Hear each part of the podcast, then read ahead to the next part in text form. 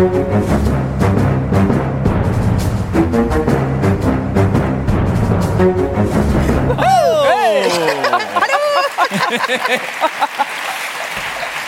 hei. Så herlig. Så utrolig hyggelig å være tilbake i Trondheim. Kan, vi kan jo ønske velkommen til Sara Sørheim. Og så kan vi jo tillate oss en applaus til da, for eh, sjefredaktør Trine Eilertsen, som har eh,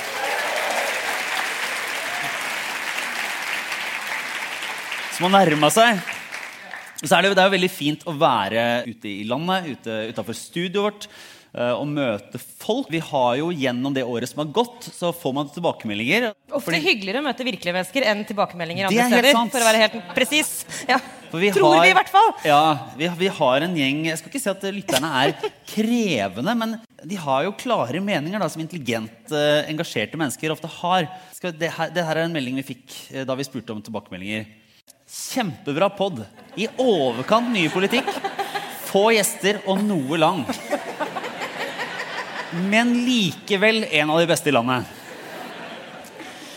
Lett å levere når du får så konkrete bestillinger. Ja. Så da, jeg vil jo si at denne kvelden, denne, denne drøye timen vi skal ha her, eh, følger det som viser seg å være en slags gulloppskrift. Den eh, har i overkant mye politikk, relativt få gjester, og den er noe lang.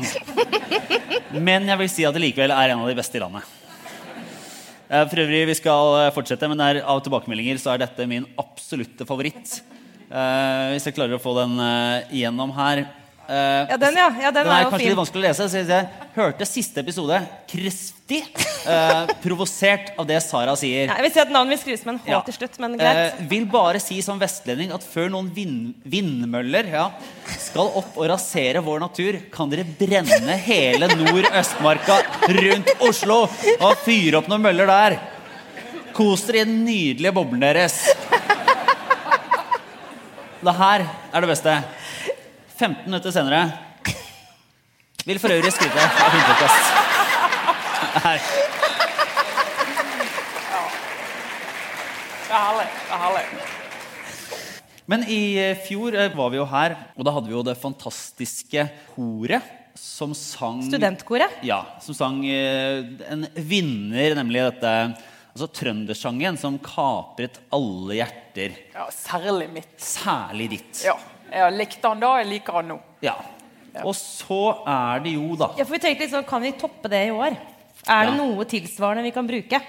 Trine mener jo at stort sett alle sammenslåtte eh, kommuner og alle sammenslåtte fylker er et eh, bedre fylke fylke. En bedre kommune. Ja. Og sånn sett så bygger man jo kultur. Så man setter ting sammen, og det funker. Ja, nå skal vi, jeg skal se, bare vise deg en liten ting her, Trine. Som du ikke har sett. Det kan Nei, at andre har fått det med seg, men eh, det må uh, bare være for stormen. Midt mellom broene. Det er en ekte ting. Øst for Gulfestraumen, tett inn på fjellheimen. Der, der innerst i fjorden, blant saftige bær og tunge frukttrær, der vandrer Vestladden. Vestland, Vestland, det beste fylket er Vestland, Vestland, vi slår oss sammen ned Vestland, Vestland, jeg kjører fylkesvei Vestland, Vestland, du er velkommen ei. Vestland, Vestland, det beste fylket er Vestland, Vestland, vi slår oss sammen ey! Vestland, Vestland, vi kjører fylkesvei Vestland, Vestland, du er velkommen ey! Du er velkommen til det beste stedet i Norge Kollektivtransport er ikke problem for de unge Nei, for i Vesten er vi best Tenker på hverandre, slår oss sammen, vi er sterke. 43 kommuner nå, 600 000 folk Og nå vi jobber sammen, lever sammen, alle sammen, vi er rå Selvfølgelig er vi rå For det Vi er motherfucker Vestland! Vestland, Vestland, det beste fylket er Vestland, Vestland, vi slår oss sammen ned Vestland, Vestland, jeg kjører fylkesvei Vestland, Vestland, du er velkommen ned Vestland, Vestland, ok, det beste fylket er. Vi, her er eh, vi gir oss der. Men du, her, her, her er det Ja. Det var ingenting å klappe for. Her er det mye å ta tak i. Her er det mye å ta tak i. For det første, Navnet på det fylket er jo en katastrofe. Vestland. Altså, enten er det Vestlandet Det går ikke an å hete Vestland. Men hørte du altså Her er en av mine kjepphester. Jeg har jo et par. Hørte du at han sa 'kjøre'? Istedenfor 'kjøre'. Oi, ja, det var det du Ja, det har jeg meg opp i. det, det går ikke an.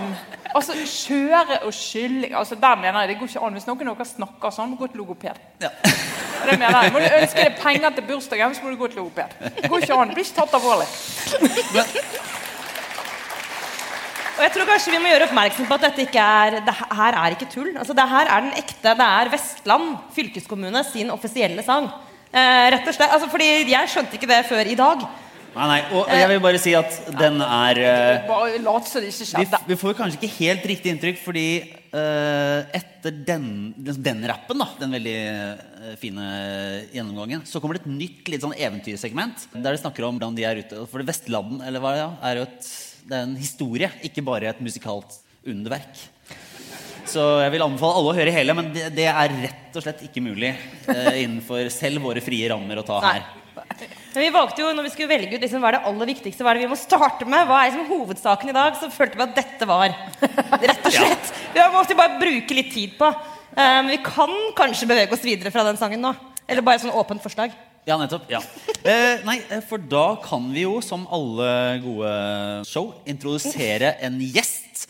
En eh, venn av podkasten. Velkommen, redaktør Snorre Valen. Klarer du å finne veien ut? Stig på!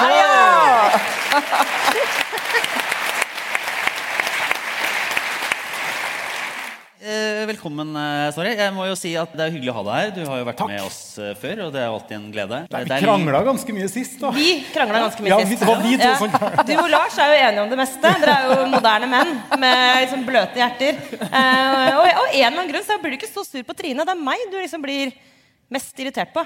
Trine er klært borgerlig. Sånn der, ja.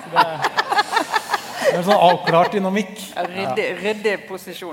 Ja. Jeg vet ikke om du trenger noen introduksjon her, men skylder kanskje å si da at forrige gang du var her, var du SV-politiker. Ja. Eh, Selv om du ikke lenger var på Stortinget, så var du medlem av partiet. Og Jeg var, var du nestleder i partiet. ja. Du var faktisk nestleder, og du var i bystyret.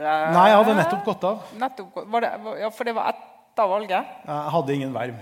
Nei, da var det ingen var. Men nå er det i hvert fall eh, Nå er du fri politisk mann. Er fri Ja, og, ja, altså fri mann er, eh, og som alle andre her, eh, bortsett fra noen, eh, så er du en redaktør. Eh, Eh, 75 er redaktør på Ja. denne scenen, så det får du jo tygge litt på Sitter her og fjesker med makta.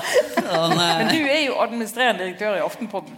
Ja, og det er jo strengt tatt en eh, mye mer uh, høythengende posisjon enn noe annet. Det finnes da en haug med politiske redaktører Jeg, eh, jeg har ikke tiltrådt ennå, da. Nei. Begynner 1. i april, april. ja. Heldig dato.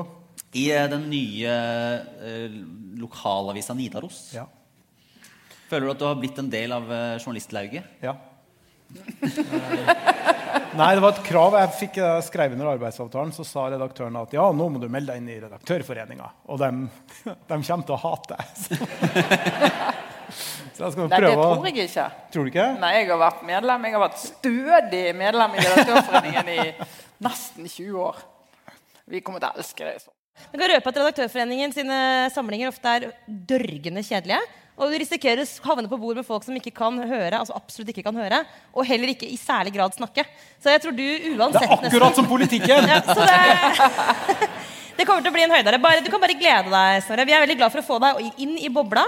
Ja. Eh, så du ikke lenger kan sitte og kritisere pressen for at vi er eh, sneversynte og idioter. Nå er du en av oss. Ja. Velkommen! Eh, dette blir bra. Jeg kommer til å møte meg sjøl i døra på Absolutt. så mange måter. måter. ja, Garantert.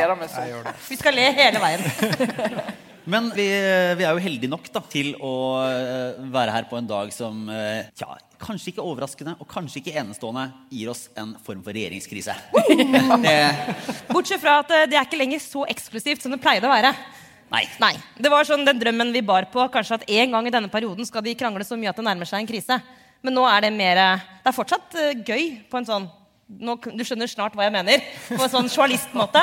Eh, men det er ikke lenger like eh, sjelden vi opplever dårlig stemning Men i regjeringen. Men det var jo raust å time det sånn som vi gjorde. For vi, vi hadde litt sånn kommunikasjon tidlig i uken. Og hva skal vi snakke om i Trondheim? Og skjer jo den Nav-høringen. Det er litt tung å bruke hele, hele sendingen på det, fant vi ut av. Eh, og så kommer de da, dagen før med det her. Det Ja. synes jeg det er takknemlig.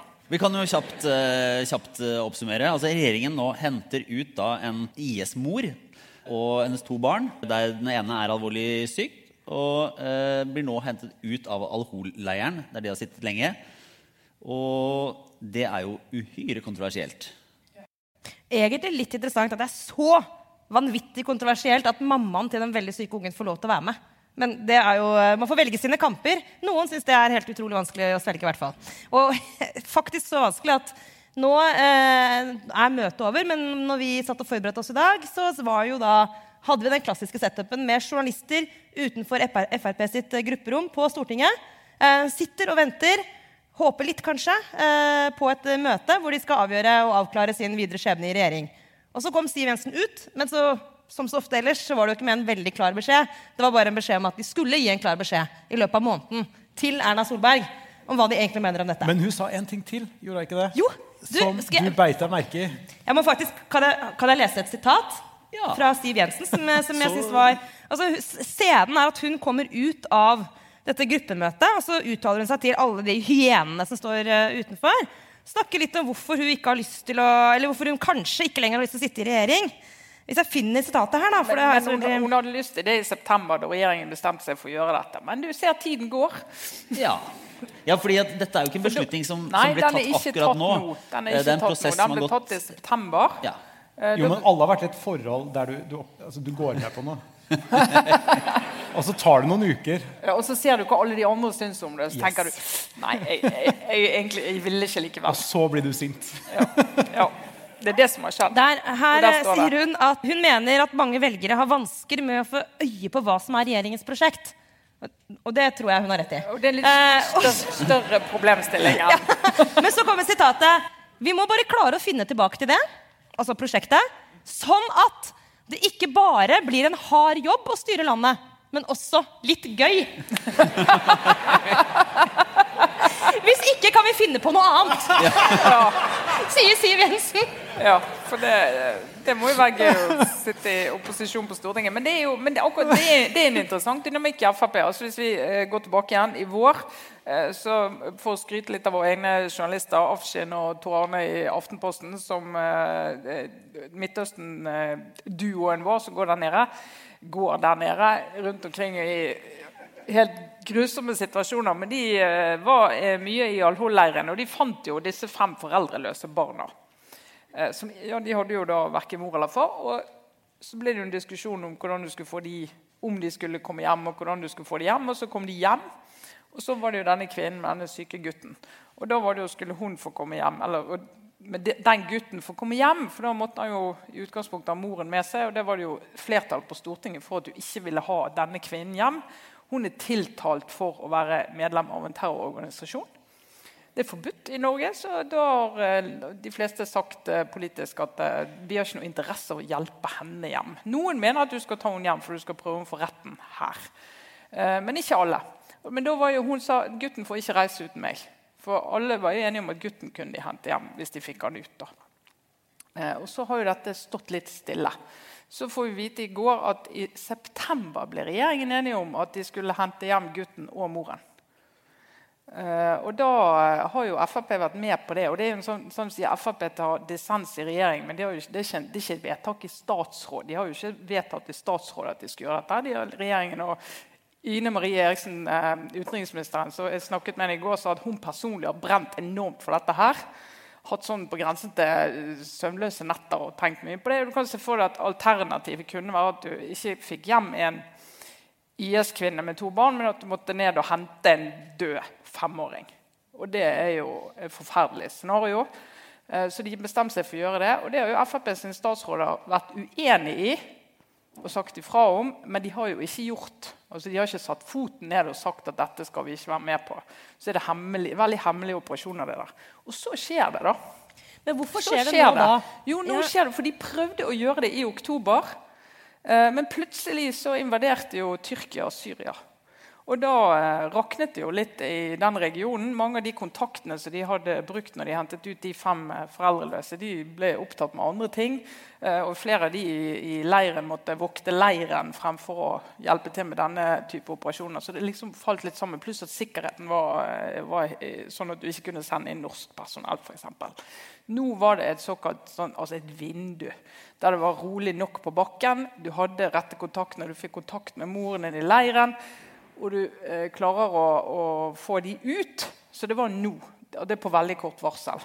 Og så kan du ikke forankre det i stortingsgruppen til Frp eller noen av de andre. for Kan den saks forankre noe som helst i stortingsgruppa til Frp er strengt tatt. Nei, det, det, det, så, så det skjer jo ikke. Og så får de vite dette. Og så tror jeg i hvert fall den ene jeg snakket med, som sa at eh, mente at Frp-ledelsen har fullstendig undervurdert hvor eksplosivt dette For det, var det er jo i partiet. om eh, For det, det ser jo litt sånn ut når Siv Jensen går ut i dag og på en måte bestemmer seg for å ta over litt sånn ledelsen i dette lille opprøret mot Erna Solberg. Ja, og I dag har hun lyst til å gå ut av regjering, og i går hadde hun egentlig ikke det. Nei, Da hadde hun vel ikke lyst til å si noen ting? Da var hun jo på en måte Men nå er begeret fullt. helt ute. Ja, nå I dag er det det det. fullt. Ja. I går var det olje- og energiministeren som av en eller annen pussig grunn skulle kommentere det. Men det, sånn er det av og til. Men er det eh, godt politisk håndverk av en partiledelse å si at, ok, å si at ok, nå har vi faktisk et opprør bak her. Nå, nå reagerer de i Stortinget, eh, regjeringsmedlemmer. Det har ikke vært mulig å informere underveis. Det har ikke gått an å forankre dette i en prosess. Og så ser de at nå er det fyr i teltet. Nå må Siv Jensen gå inn og så ta dette på liksom, sine egne skuldre. Og plutselig så kontrollere prosessen. Fordi da var hun, eh, plutselig, Det var jo en spinn i, nå i ettermiddag som var sånn Nå skulle plutselig Siv Jensen komme inn og stille krav til Erna Solberg.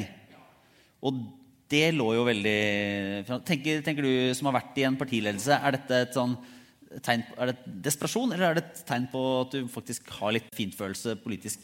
Eh, jeg tror noen ganger så eh, eh, gjør man opprør av én grunn, og så er det egentlig en annen grunn. Og her slår det meg at det kanskje kan være FrPs stortingsgruppe som er sint fordi de ikke ble informert, eller fordi de ikke ble forankra godt nok hos de. Og så blir det en viktig prinsippsak. For jeg er, helt oppriktig veldig i tvil om også det mest innvandringskritiske grunnfjellet i Frp syns det er veldig ille å få to norske barn hjem og en terrorsikta som vi får putta i fengsel og straffa. Jeg, jeg klarer ikke helt å skjønne at det liksom er den store, store vinnersaken for Frp heller. Altså. Eh, Så jeg tror vel kanskje det er vel så mye et uttrykk for dårlig stemning. Ja. Men så er det jo eh, altså, Hvis vi går tilbake til bompengekrisen i høst eh, så Det er noe helt annet. Ja, det er noe helt annet, men da erfarte jo Frp at Jo, sant? Det er bare parallell. Jeg har to gutter. Gå i godtebutikk med de, som helt fra de var én uke gammel. Så har jeg bare sagt nei hver gang de har spurt om godt. Og hvis, hvis jeg bestemmer, De kan spørre kan jeg få en sjokolade. Og Av og til så sier jeg ja. Skjedd tre ganger, helt sikkert. Men som hovedregel så sier jeg nei, og da vet de det ikke vits å mase. For det kommer aldri til å skje. Kommer ikke til å skje. Og du vet, Erna Solberg hun slapp Frp og Siv Jensen inn i godtebutikken i forbindelse med bompengekrisen. De hylte og skrek. Erna sa nei, nei, nei, nei. nei. Skrek litt til. Ja, OK, da. Så Erfaringen i Frp er jo at du må bare skrike og true med å gå ut i regjering og si at nå er begeret fullt, og nå skal vi ha landsstyremøte, og nå er, wow, så får vi et eller annet. Så de kommer til å få noe. vet du. Kommer til å få en kjempesvær kjærlighet på pinne. Det funka ikke sånn da så- SV satt i regjering. Ja. da var det Karl Erik Skjøtt Pedersen som sa Men nå er du på statsministerens kontor. Og så var saken avgjort. Vi skal et underutvalg. Men det, jeg eh, så, det var egentlig mest spekulasjoner i gangene på Stortinget mens alle gikk og kjeda seg og venta på at møtet skulle være ferdig i dag. Så jeg aner egentlig ikke eh, om det er veldig godt kildebelagt. Men, men det som ble diskutert da, var jo om Frp nå rett og slett prøver å godta dette. Men det de krever, er å få en blank seier i kampen om iskanten. Sånn at de dytter Venstre inn i en umulig situasjon. Så at det ender opp med at det er Venstre som fucker opp. Ja, og at eh, nok en gang, akkurat som bompengeprisen, var det egentlig Venstre som kom kanskje dårligst ut av det. Men det, er- men det her er, og det det, er jo vært helt, det er jo helt utrolig hvis det ender opp sånn igjen. men det Eh, her er alt som er feil med politikk. Ikke sant? Fordi det er, det er så fjernt fra altså, det, det var en nyhetssak i dag om at, om at tilliten til norske politikere synker. da. Pussig. ja. Ja, eh, og vi, hvis det stemmer at det er krava fra Frp som kommer en gang mot slutten av måneden nå, inneholder helt andre ting enn ting som har med fremmedkrigere og IS å gjøre, Ja, det går ikke. ja, ikke sant? så er det bare helt forferdelig. Fordi jeg tenker, altså, Enhver sånn bekreftelse overfor velgerne på at det her er hestehandel og spill, gjør veldig mye større skade enn verdien av den eventuelle blanke seieren man får. da. Men la oss gjette, da. Altså, hva tror dere? Tror dere at de holder seg til manus? Liksom, kommer det et... Siv Jensen har sagt i dag at eh, innen januar så skal de få dette avklart. Eh, og nå, nå er begeret fullt. De skal være tydelige overfor eh, Erna Solberg og eh, liste med ting de ønsker å få gjennomslag på. Tror dere det kommer til å være en liste som kommer til å handle om denne saken? Ja, altså, I, i bompengesaken var det jo det.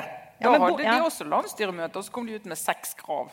Som dette må vi ha. Og så gikk det noen måneder, og så ble de jo enige. Og så fikk de litt, men ikke alt. Men det var jo ultimate krav, nesten ble det fremstilt som. Men så ble det jo en forhandling likevel.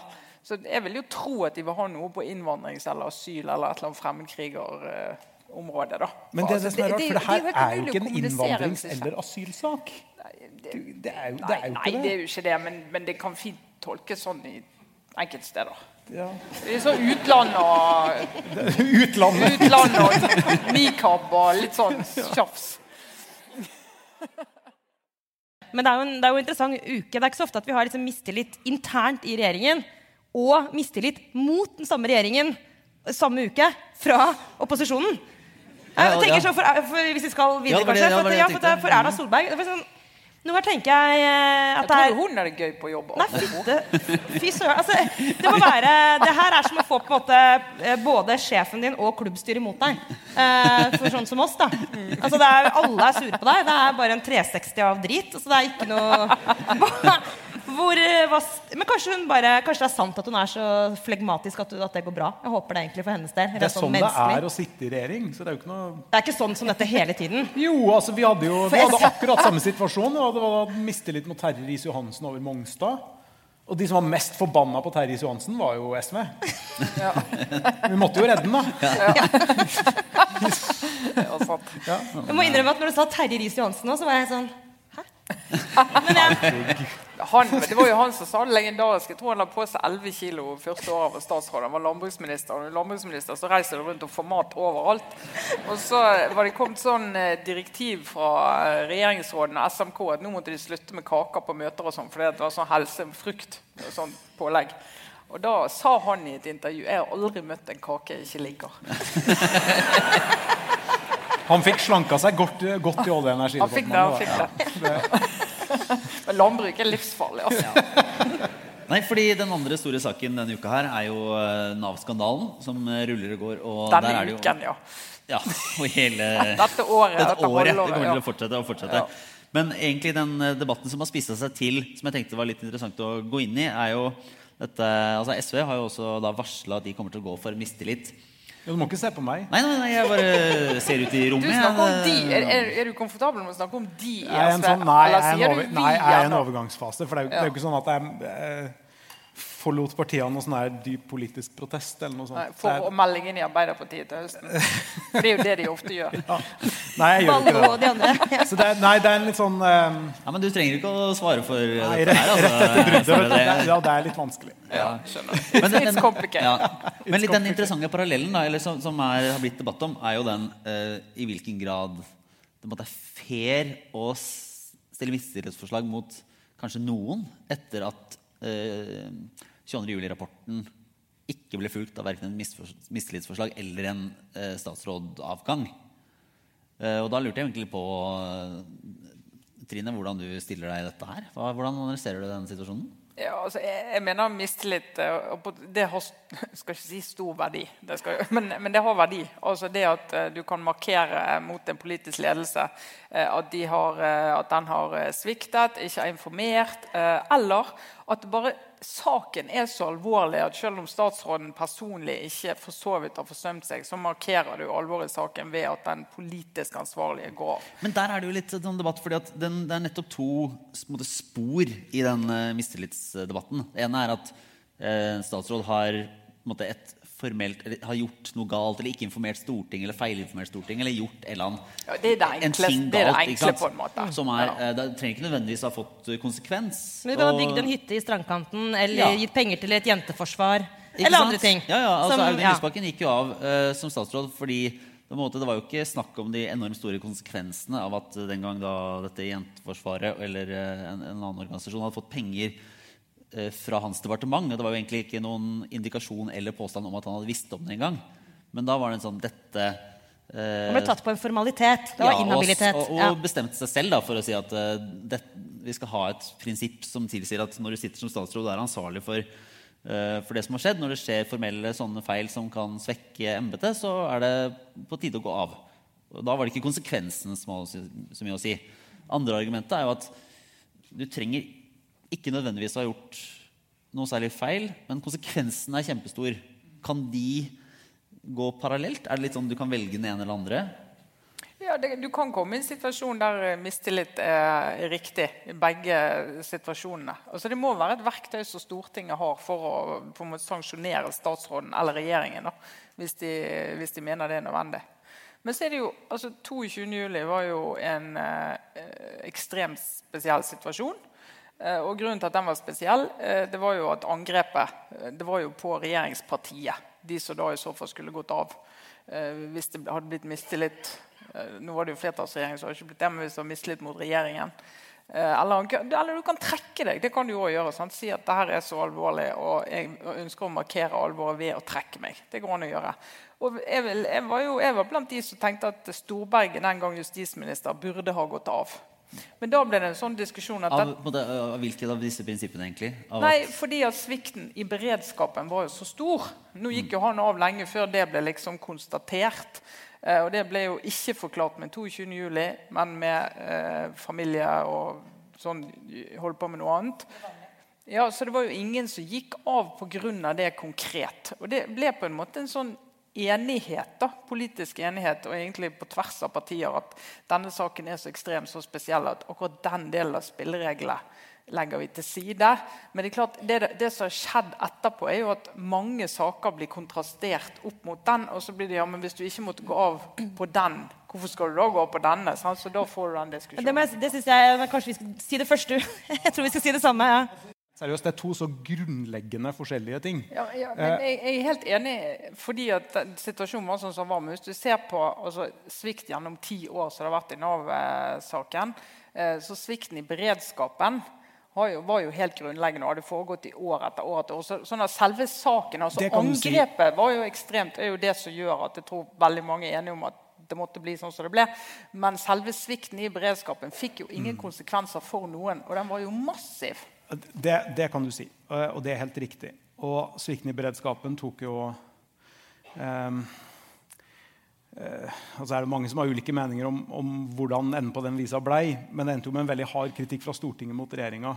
Men det er likevel noe veldig veldig vanskelig med å skulle bruke den saken som mal for andre saker der noe på statlig hold har svikta. For, nettopp fordi det var et politisk angrep Ja, mot det- den politiske aktøren ja, som styrer. da. Og det er enig. Så du jeg mener at nå må du liksom se Nav-saken isolert. Ja. Og så må du se på de spillereglene du har i Stortinget. Og, og problemet er at så mange ting svikta også på 22. juli eh, at hvis du skal bruke det som noen sånn slags mal for hvordan du vurderer svikt fra statens side, på noe vis, og hvorvidt en statsråd skal holdes ansvarlig, så kommer aldri noen gang noen statsråd til å måtte gå av igjen. Eh, og det blir en veldig eh, Jeg tror ikke det var den presedensen et enstemmig storting tenkte å sette da, da man vedtok den enstemmige kritikken av regjeringa i kjølvannet av Gjørv-rapporten. Jeg tror det var en veldig annen vei man tenkte å stake ut da. Nemlig at, nemlig at man skulle ta større ansvar eh, for, for beredskap. Men du også mener at statsråder som går av pga. en sak, er et eh, riktig ting? Altså det, det bør skje? Ja, og så er det jo, men også er det også en seremoniell ting. ikke sant? Fordi eh, eh, det er jo i begrensa grad Anniken Hauglie bærer et personlig ansvar for den feilpraksisen Nav har hatt i alle de åra før hun sjøl ble statsråd. Og det skjønner jo alle. Men en av de tinga du tar på deg når du blir statsråd, er jo en rolle som ja, statens fremste representant for et gitt embete eller felt. ikke sant? Og da må du noen ganger gå av sjøl om du sjøl mener du ikke har gjort noe gærent. i det hele tatt, Som var Grete Faremo sitt tilfelle, som protesterte heftig da hun måtte gå av. Eh, en ting jeg syns vi har snakka litt for lite om, er de som faktisk har hatt operativt ansvar hele veien. Eh, og som gis ganske lite oppmerksomhet i de her dager fordi alle retter sin oppmerksomhet mot statsråden. Da. Jeg må innrømme selv at jeg syns det er litt pussig at det ikke har vært mer diskusjon rundt Sigrun Vågeng sin stilling. Men, men, men, jeg tenker at i Stortinget så er jo det den der eh, formuleringen at Stortinget kjenner bare statsråden. Så de, Stortinget skal jo ikke sitte og diskutere om Sigrun Vågeng skal gå av eller ikke. Det det Nei, men jeg kan jo komme på ganske mange andre da, som, eh, ja, ja, ja. Men, som står eh, fritt til å mene noe. Absolutt. absolutt. Ja. Eh, men vi fortsetter nå en runde med eh, diverse obligatorisk refleksjon. Så jeg vet ikke om du Snorre, vil gå rett på? kan vi jo holde oss i samme leia, egentlig. Ja. Um, jeg syns NRK sin serie om 22. juli er det beste som er laga av norsk drama noen gang. Jeg syns det er helt fantastisk bra. Uh, og jeg tror den viktigste grunnen til at jeg synes det er fantastisk bra, er fordi Norge har en elendig historie med å greie å lage film og drama av viktige historiske hendelser. Som regel så ender det opp som sånn her Thor Heyerdahl Kon-Tiki Hollywood-episk. Oh, eller ja. Max Manus. Eller, altså, Samtidig som Max Manus kom, så kom 'Flammen og sitronen' da, i Danmark. Som er altså, på, på, et helt altså, kunstnerisk, manusmessig skuespillerprestasjon, men ikke minst viljen til å pirke egen historie. Da, liksom, I en helt annen divisjon. Mens det norske blir Vi klarer ikke å ta i vanskelige ting. Og det at NRK har tort å bruke anledninga der å lage en dramaserie om 22. til å pirke ting som er vanskelig og ikke funker godt nok ved det norske samfunnet, det er veldig risikabelt. Og så funker det utrolig bra. Det er en vanvittig bra serie. Ja, Jeg er helt enig. Og det verste, Jeg sitter og ser på denne serien, og så kjenner jeg eh, på at jeg får den der uroen i kroppen som jeg hadde de dagene. så akkurat sånn kroppen husker den følelsen når vi satt i Oslo og innså eller Vi innså jo ikke hva som hadde skjedd, men vi lurte på hva som hadde skjedd. Og det er så lett å glemme at på den dagen så visste ikke vi om det var bare det, eller om det kom mye mer. Og den følelsen sitter jeg og kjenner på i sofaen. Altså. En ganske sterk opplevelse. Men jeg tror det har, kanskje har noen sammenheng også med at vi eh, er så trent i å se liksom, godt drama. Eh, og virkelig godt TV-drama. Sånn, sånn, type sånn helt over i den bare, så Ikke noe med dokumentar i det hele tatt, men bare godt drama. Følger likevel en oppskrift. Man blir på en måte rørt, og man kan bli revet med følelsesmessig. Men man har en liten sånn motstand i seg selv. eller et eller annet, at man skjønner jo, eller vi er så vant til å se det. At den dramaturgien i en god TV-serie er også litt sånn beskyttelse mot at du trenger ikke å ta den så innmari innover deg. Og Noe av det fascinerende med 22. juli-serien er at det, det, er ikke en dramaturgi der. Altså, de, har, de, har, ikke falt for fristelsen til å putte en eller annen kjærlighetshistorie eller, eller irrelevante ting liksom, på toppen av altså, de har, og det, mener jeg, det er egentlig en selvfølge, men det er så vanskelig å gjøre det likevel. De har fortalt historien ut, og latt historien være styrende, det som egentlig skjedde. Men som ser deg, man blir så naken. Altså, du får virkelig bare presentert Du får det sånn rett i fleisen. Og der, den der hinna, den der beskyttende hinna av at noe er drama, det er bare borte. Det er utrolig godt håndverk. Eh, men det er også, eh, jeg snakka med en som, eh, som, var på Utøya, som, også, som mistet en, et familiemedlem der. Og hun tror jeg sa det helt riktig. Hun sa bare at, og hun har sett serien og syns den er veldig veldig bra. Men hun sa at du kan ikke altså Det eneste som kan forsvare å lage en serie ut fra denne opplevelsen, er at den er akkurat så bra. Altså, og det er for et vanvittig fallhøyde for de som har skapt den. fordi hadde den vært bare i nærheten av spekulativ, f.eks., så, så, så hadde det vært en, nesten en katastrofe for NRK. Men det er veldig bra at de likevel gjør det. Jeg har ikke sett den ennå. Uh, men er det Skal Jeg egentlig fortsette, men er det Du har en, ikke Hæ? Jeg har ikke, ja, det, ja. Det, det sier du nå, liksom. Du har, vi har sittet sammen i timevis. Du har ikke liksom Ok, greit. Ja, nei. nei mm. er, eh, men er det uh, bare det, Jeg vet jo at det følger jo personer utafor selve Utøya-dramaet. Men har de da også karakterer som er på Utøya? Er det i så fall altså, fiksjon, eller er det da basert på ekte personer? Ja, det, er ingen, det er jo et veldig eh, risikabelt grep hvis det skulle gå nei, inn i hendelsene der, da, som er så dokumentert og så nært. Eh, ja, det, det, er ikke, det, er ikke, basert på Det er ingen av de figurene som opptrer i TV-serien, som er eh, ekte. Jo, det er faktisk et par bifigurer som, det er faktisk en som spiller seg selv. Men ingen av hovedpersonene er eh, basert 100% på et ekte menneske.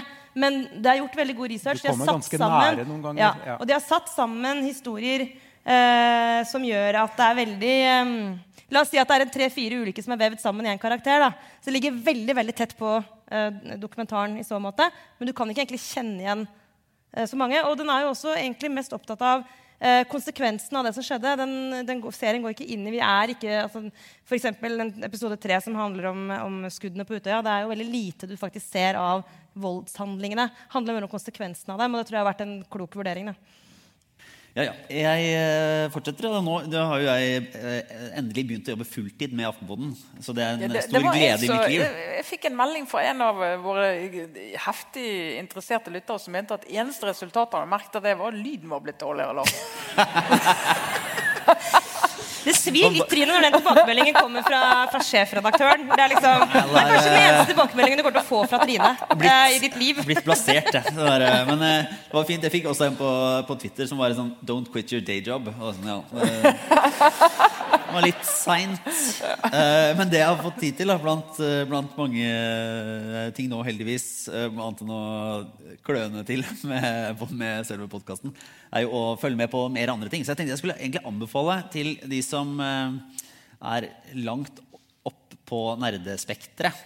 Så har man jo altså, franske Thomas Piketty, som var ute og ble en sånn verdenskjendis, egentlig, med, med hva det heter, Kapitalen for eh, Var det 2013 eller et eller annet? Det tror jeg, trekker, jeg tror jeg trekker litt langt å si verdenskjendis. Han er liksom ikke på altså, eh, Vi tror vi kan kalle han en boblekjendis. Altså, han, var en, eh, han er en akademiker. Eh, som Fra en- Frankrike. Fra Frankrike. uh, som en promille Tenk at det er jeg som sier dette, for øvrig. Lars Kim Kardashian er verdenskjendis. Ja. Altså, er, jeg tror jeg tar i å si at en promille av verdens befolkning har hørt om han. Det tror jeg er å overdrive. Er på min A-liste da, i hvert fall, Ja. av kjendiser. Men uh, av folk du kjenner, så var det Ja. mange som snakket om han en periode. En, ganske få som faktisk leste Kapitalen, tror jeg. Ja, og det, ja, og det Ja. her kommer jo egentlig nøkkelen, da. Fordi han har jo, han har jo også forsket historisk på ulikhet og gjort analyser der. eh, ble stor, Og kommet da med eh, sin, eh, sin nyeste bok, som er 1300 sider, foreløpig bare på fransk.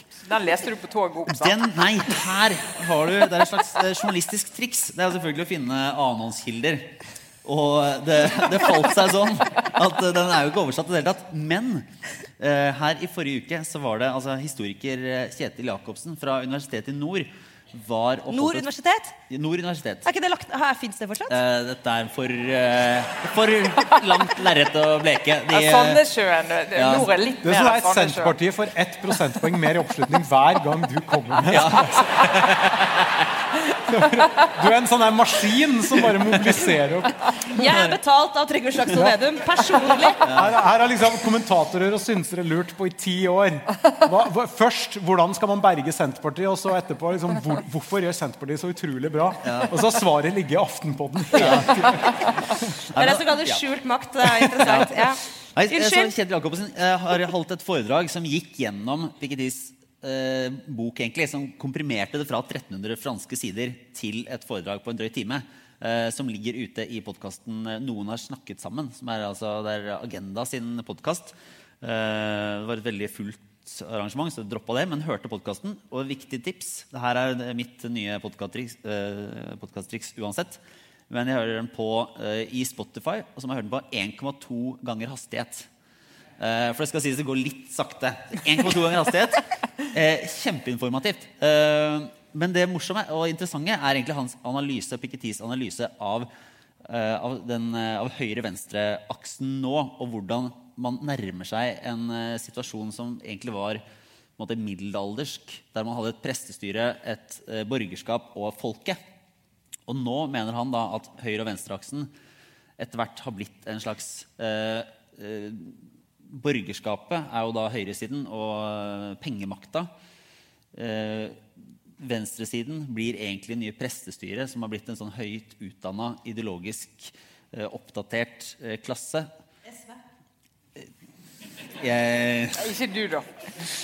mens, eh, mens Og de eh, slåss seg imellom og, og, beholder et slags status quo, mens folket da eh, holder på for seg. Ja. Og har noen interessante analyser på, liksom, på ulikhet og, og hvordan det kan, ja. kan få til. Og, han mener jo, og er veldig opptatt av, av å utjevne forskjeller og redistribuere velstand. Og han mener jo at det eh, kan på en måte ikke skje så lenge du har en modell der, der dette liksom ideologiske prestestyret og pengemakta sitter på toppen. da. Og den, eh, den analysen den gås gjennom på en drøy liten time. Veldig interessant. Historiske paralleller. Eh, og det, jeg lurer jo litt på hva som er venstreside, om ikke du skal representere SV, da, men liksom venstresidetankegangen rundt den uh, Min helt uavhengige blir en, uh, eh, blir et presteskap, eller blir for, for typisk høyt utdanna, elitistisk. Det som går igjen i moderne kritikk av venstresida. Jeg tror jo veldig mye av venstresidas, spesielt sosialdemokratiet, da, sine problemer ligger ganske tett opp til analysen til Piketty. Um, og jeg syns vel de siste års utvikling understøtter det. altså i, den, I de tilfeller eller i den grad venstresida har styrka seg noen steder, så er det ved å gå tilbake da, for å si det sånn, til en ganske sånn materialistisk, enkel, grunnleggende rettferdighets- og fordelingspolitikk. Eh, Bernie Sanders er et åpenbart eksempel. Eller de nye venstrepartiene i Sør-Europa. Eller for den saks skyld oppsvingen til ja, en ting er SV, men spesielt kanskje Rødt. da, Som, som har kommet som nye inn i rikspolitikken. Og, og rett inn i det som jo er den kjempe, altså en av mange konflikter som rir Arbeiderpartiet. Ja. Som jo egentlig handler om altså Støre, sa, samme hvor mye han går i tømmerhoggerskjorter, så vil jo han bli sett på som representant for, den, eh, for eliten. Uh, og hans forsøk på Og jeg tror, han, jeg tror det er faktisk helt genuint urettferdig når det kommer til den politikken han står for. Men den der, den der konflikten i Arbeiderpartiet mellom for, å ta han ut av det. altså Oslo, Oslo eh, Arbeiderpartiet og Distrikts-Arbeiderpartiet da, er jo litt av den samme, egentlig. Altså, er at, det fagbevegelsen som skal være toneangivende, eller er det liksom Det er en interessant ting, fordi Arbeiderpartiet, Det er jo ikke første gang Arbeiderpartiet har en velstående partileder. Så jeg, jeg tror jo øh, veldig mye mer av det dreier seg om at eh, mange venstresidepartier etter hvert ikke har blitt opplevd eller oppfatta som forkjemper for og talspersoner for den breie arbeiderklassen, da, eller folk flest sine interesser. Um, men før så ha, i tidligere perioder så har jo Arbeiderpartiet greid å forene det veldig bra. Altså, det var jo masse akademikere til stede i politikkutviklinga til Arbeiderpartiet i etterkrigstida også. Eh, men det var på noen litt andre premisser, og de endte opp med en litt annen politikk. Og kanskje ikke minst en litt annen måte å snakke om politikk på. Eh, Så det at, det at du har høyt utdanna folk til stede i et parti, det tror jeg ikke liksom, skremmer bort en eneste velgere. Jeg tror det. Eh? For Man risikerer å komme en veldig, ja, ende opp med en ganske banal analyse. Da, Ja, så tror jeg det, det er en- del av det som er interessant i, i hans analyser, er at han bruker et enormt datagrunnlag og, og kjører lange historiske linjer og ser mange av de parallellene eh, altså på tvers av land og systemer. Og vil jo se at eh, det som faktisk har skjedd av ordentlig omfordeling, har jo ofte kommet i etterkant av en eller annen form for genuin krise eh, og, og er egentlig en tverrpolitisk beslutning. Altså, det er ikke nødvendigvis sånn at eh, et, eh, et Arbeiderparti begynner å snakke på en annen måte, og så begynner politikken å eh, innføre en, en om, om, kraftig omfordeling. Det var jo sånn Etter er første og andre verdenskrig så ble både republikanere og demokrater opptatt av å, å ha en ordentlig omfordelende system. Og så kommer det til eh, 70-80-tallet, og så kommer det en bølge som gjør at også eh, sosialdemokrater og på en måte, hele spekteret går i en annen retning. da. Men eh, den er, det er en veldig lang altså Det er 1300 sider på fransk, eh, så vi trenger Men ikke å ta jeg kommer ikke til å høre på den Ingen av dere trenger å høre på den podkasten heller. Heller ikke engang på 1 12 hastighet. For nå har du oppsummert det på tre minutter. Så det er fint. Da, da, da, da kan jeg sitte i middagsselskaper og uttale meg om Piketi. Det kan dere òg. Ja, ja, ja, Sånn gjøres det. Ja. Men får jeg legge til en hale til den? da? Fordi Ja, ja, ja. ehm, jeg tror den tida er over. Altså, jeg, og mange i salen her eller nå, Nei, vet du hva, det er en tilsnikelse, for jeg er eldre enn de fleste i salen her. Og så later jeg som det er ja. Det er også. Jeg må slutte med det nå. ja. Uansett, da. Vi er uansett da likevel alle barn av murens fall. Vi er den generasjonen som ble fortalt eh, under hele vår oppvekst at nå går vi inn i en ny verden med åpne grenser og tillit og markedsøkonomi, og vi vil alle bli rikere, og du kan bli hva du vil. Eh, og så ble det jo ikke helt sånn, da, kan du si, globalt. Det er jo en del ting som har gått gærent de siste åra. Eh, men foran oss har vi jo en ganske vanvittig eh, ressursmobilisering som må til i form av klimakrisa.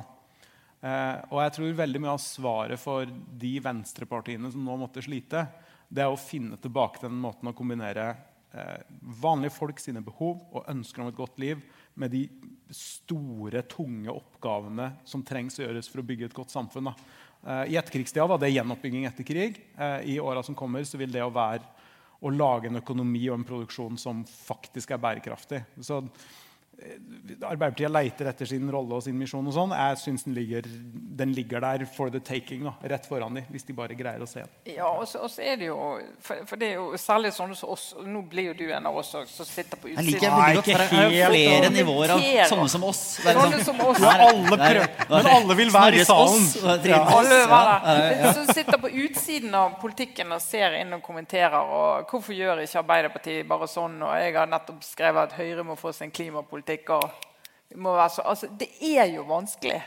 Det er vanskelig når du er de eh, partiene og norske partiene som skal prøve å finne ut hvordan de skal greie den omstillingen. hvordan de skal greie det. Ta, ta hensyn både til fordelingen, dermed arbeidsplassene, og eh, altså verdiskapningen, skatteinntektene, altså alt som er. Du skal liksom greie å gjøre en helt sinns... Jeg har hatt det gode å se at noen greier å gjøre en kjempestor omstilling uten at det gjør vondt. Det gjør vondt noe sted, men hvem er det som får det vondt, og hvem er det som får det vondest, og hvor mye godtar vi? sant? Men Men det er ikke lett. Det er ikke lett, og det er liksom det er ikke bare Arbeiderpartiet må bare, Høyre må bare. Det er kjempevanskelig. Reelt vanskelig. Men kan, eh, litt avsporing. Kan jeg komme med en utfordring tilbake? Ja, avspor- avsporinger, det er ikke greit. Det gjør vi ikke. Det, det, det driver vi ikke med. Fordi Ikke sikkert jeg svarer på den. Nei, nei, nei det, kan, det kan faktisk hende at du ikke svarer på den. Men, men mener du virkelig at du sitter utafor politikken og ser inn? Nei, altså Jeg kommenterer jo politikk. Altså Jeg mener det på den måten at jeg ikke er en, en person som sitter rundt bordet når partiene diskuterer hvordan Ja. de skal lage programmene sine. Men du er med på at du er en politisk aktør som utøver makt og innflytelse? Ja, ja, ja. Ja, du vil jo og gal? ja. Selvfølgelig. Absolutt.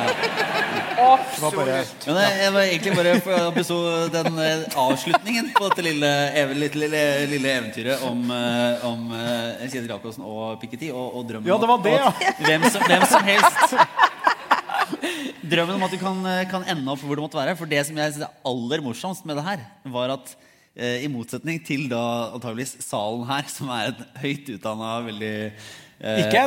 Seriøse. Ikke ennå. Blir etter hvert, da.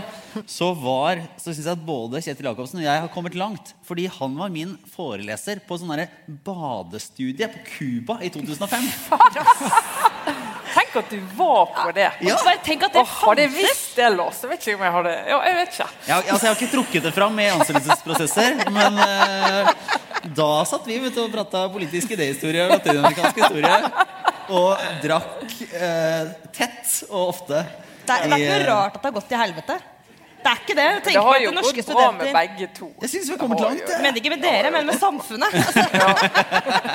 Altså, vi sendte studenter på statens regning til Bali og Cuba ja, for litt sånn metoo-camp eh, i altså. Syden. Herregud, ass. Det er jo født mange barn eh, som resultat av de der turene der. Men vi du, skal, vi skal jazze jo oss gjennom et par eh, kjappe, og så skal vi gå løs på 2019. ja, for at, er det nå, kan jeg si, skal, vi gå, skal vi nå, er vi ferdig med liksom, Skal vi tilbake til 2019 nå? Nei, Nei, var ikke du du på en har obligatorisk refleksjon? Nei, min var 22. Juli-serie. Og, og det var din og det, ja. Ja, ja, Men da skal jeg bare komme med en veldig kort en. Som jeg hadde laget et lite notat, og det ligger på den mobiltelefonen som lader seg der ute. Så jeg kommer til å snakke om en som jeg da ikke husker navnet på. For det står Det på den. Tillater det. Det er rom for i podkasten. Nei, jeg bare hørte det deilig. Jeg tror det var i går eller i forgårs. Det var en helt syk historie. Altså New York Times sin podkast. Sin eh, daglige podkast. Om altså tidligere direktøren i Nissan. Svært industrikonsern. Som er på rømmen. Han som ble smugla ut. Sykt industri. Altså, helt syk historie.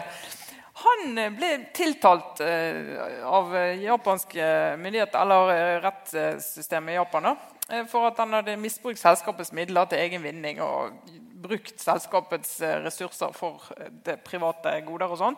Så han ble tiltalt for det. Og så mens han ventet på rettssaken, satt han i husarrest. Og, så, og, og det var kamera alt som fulgte med og passet på han. Så en dag så kommer det to menn til huset hans. Kameraene ser det. De tar han med seg ut. Kameraene følger han inn på hotell. Så kommer de to mennene ut av hotellet med hver sin sånn svære trillekoffert, sånn lydkoffert som du har masse sånn lydutstyr i. Og så tenker jo de som ser filmen, at han er igjen inne på hotellet. Og så drar de ut på tror man, ut på flyplassen. Stapper han som da ligger inni kofferten, inn i en privat jetfly som kjører til Beirut. Så det, Og der dukker han opp. Hvorfor det? Liksom, nei, Men- for han skulle unndra seg rettssak. Men, jeg, men jeg vil jo si Det er jo en helt vill sak. Det er bare sak. så fascinerende. Må bare hvis, høre det. hvis du ser en fyr som er, er i praksis ettersøkt på flukt ut av husarresten, inn i et hus med to karer, de kommer ut med svære kofferter, Ja, men da, da er han jo igjen, enten, Enten så er det sånn her partert, Khashoggi, partert sånn, altså, Khashoggi-historie. Ja, ja. Eller så er det jo selvfølgelig, som jeg har sett i Donald, at eh, de triller jo han vikingen ut i kofferten, da. Der! Det, nei, det syns jeg det gjorde så inntrykk. Så det, Så ivrige som japanerne var på å ta hun derre hasjkakejenta fra Norge, så syns jeg at de, de sov i timen på han eh, bossen her. ja, jeg er fascinert. Jeg er fascinert. Ja. Så det var, det, var, det var bare en eh, I og med at jeg nå har byttet jobb, så klarer jeg ikke å følge med på mer enn sånne ting. Men hvorfor, hvis du, hvis du først har pengene og midlene til å, å stage en sånn her flukt, hvorfor Beirut? Nei, jeg, han, han er fra er han var ned fra Libanon. Ja, Fortsatt så kan du si hvorfor det er ut, da, men eh, nei, er, Han reiste hjem. Han har reist hjem. Ja. men blir det ikke bare utlevert igjen, da? pressekonferanse og greier. vet du, og fortelle... Blir ikke utlevert fra hjemlandet ditt, vel? Hæ, du kan jo bli utlevert fra hjemlandet Jeg vet ikke om de har utleveringsavtale med Japan. Det har ikke jeg sjekket. Nei, det der, det, nå var jeg som nachspiel-kverulant. Nei, men- Ja, men det er full historie. Jeg tror Libanon har en utleveringsavtale for egne innbyggere.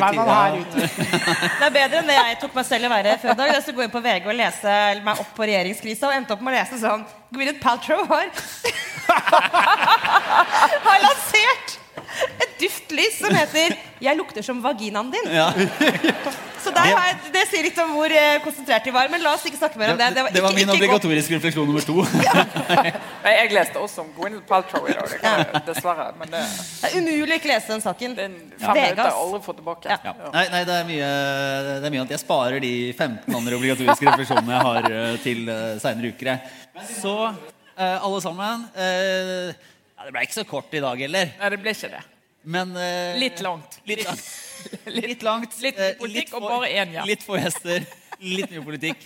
Men eh, tusen takk alle sammen for at dere har eh, vært her. Eh, vi har vært Aftenpodden og Snorre Valen. Tusen takk for at du var med. Takk.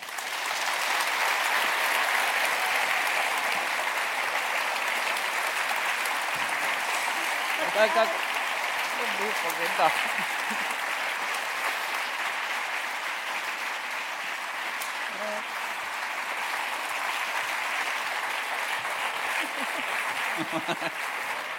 oh.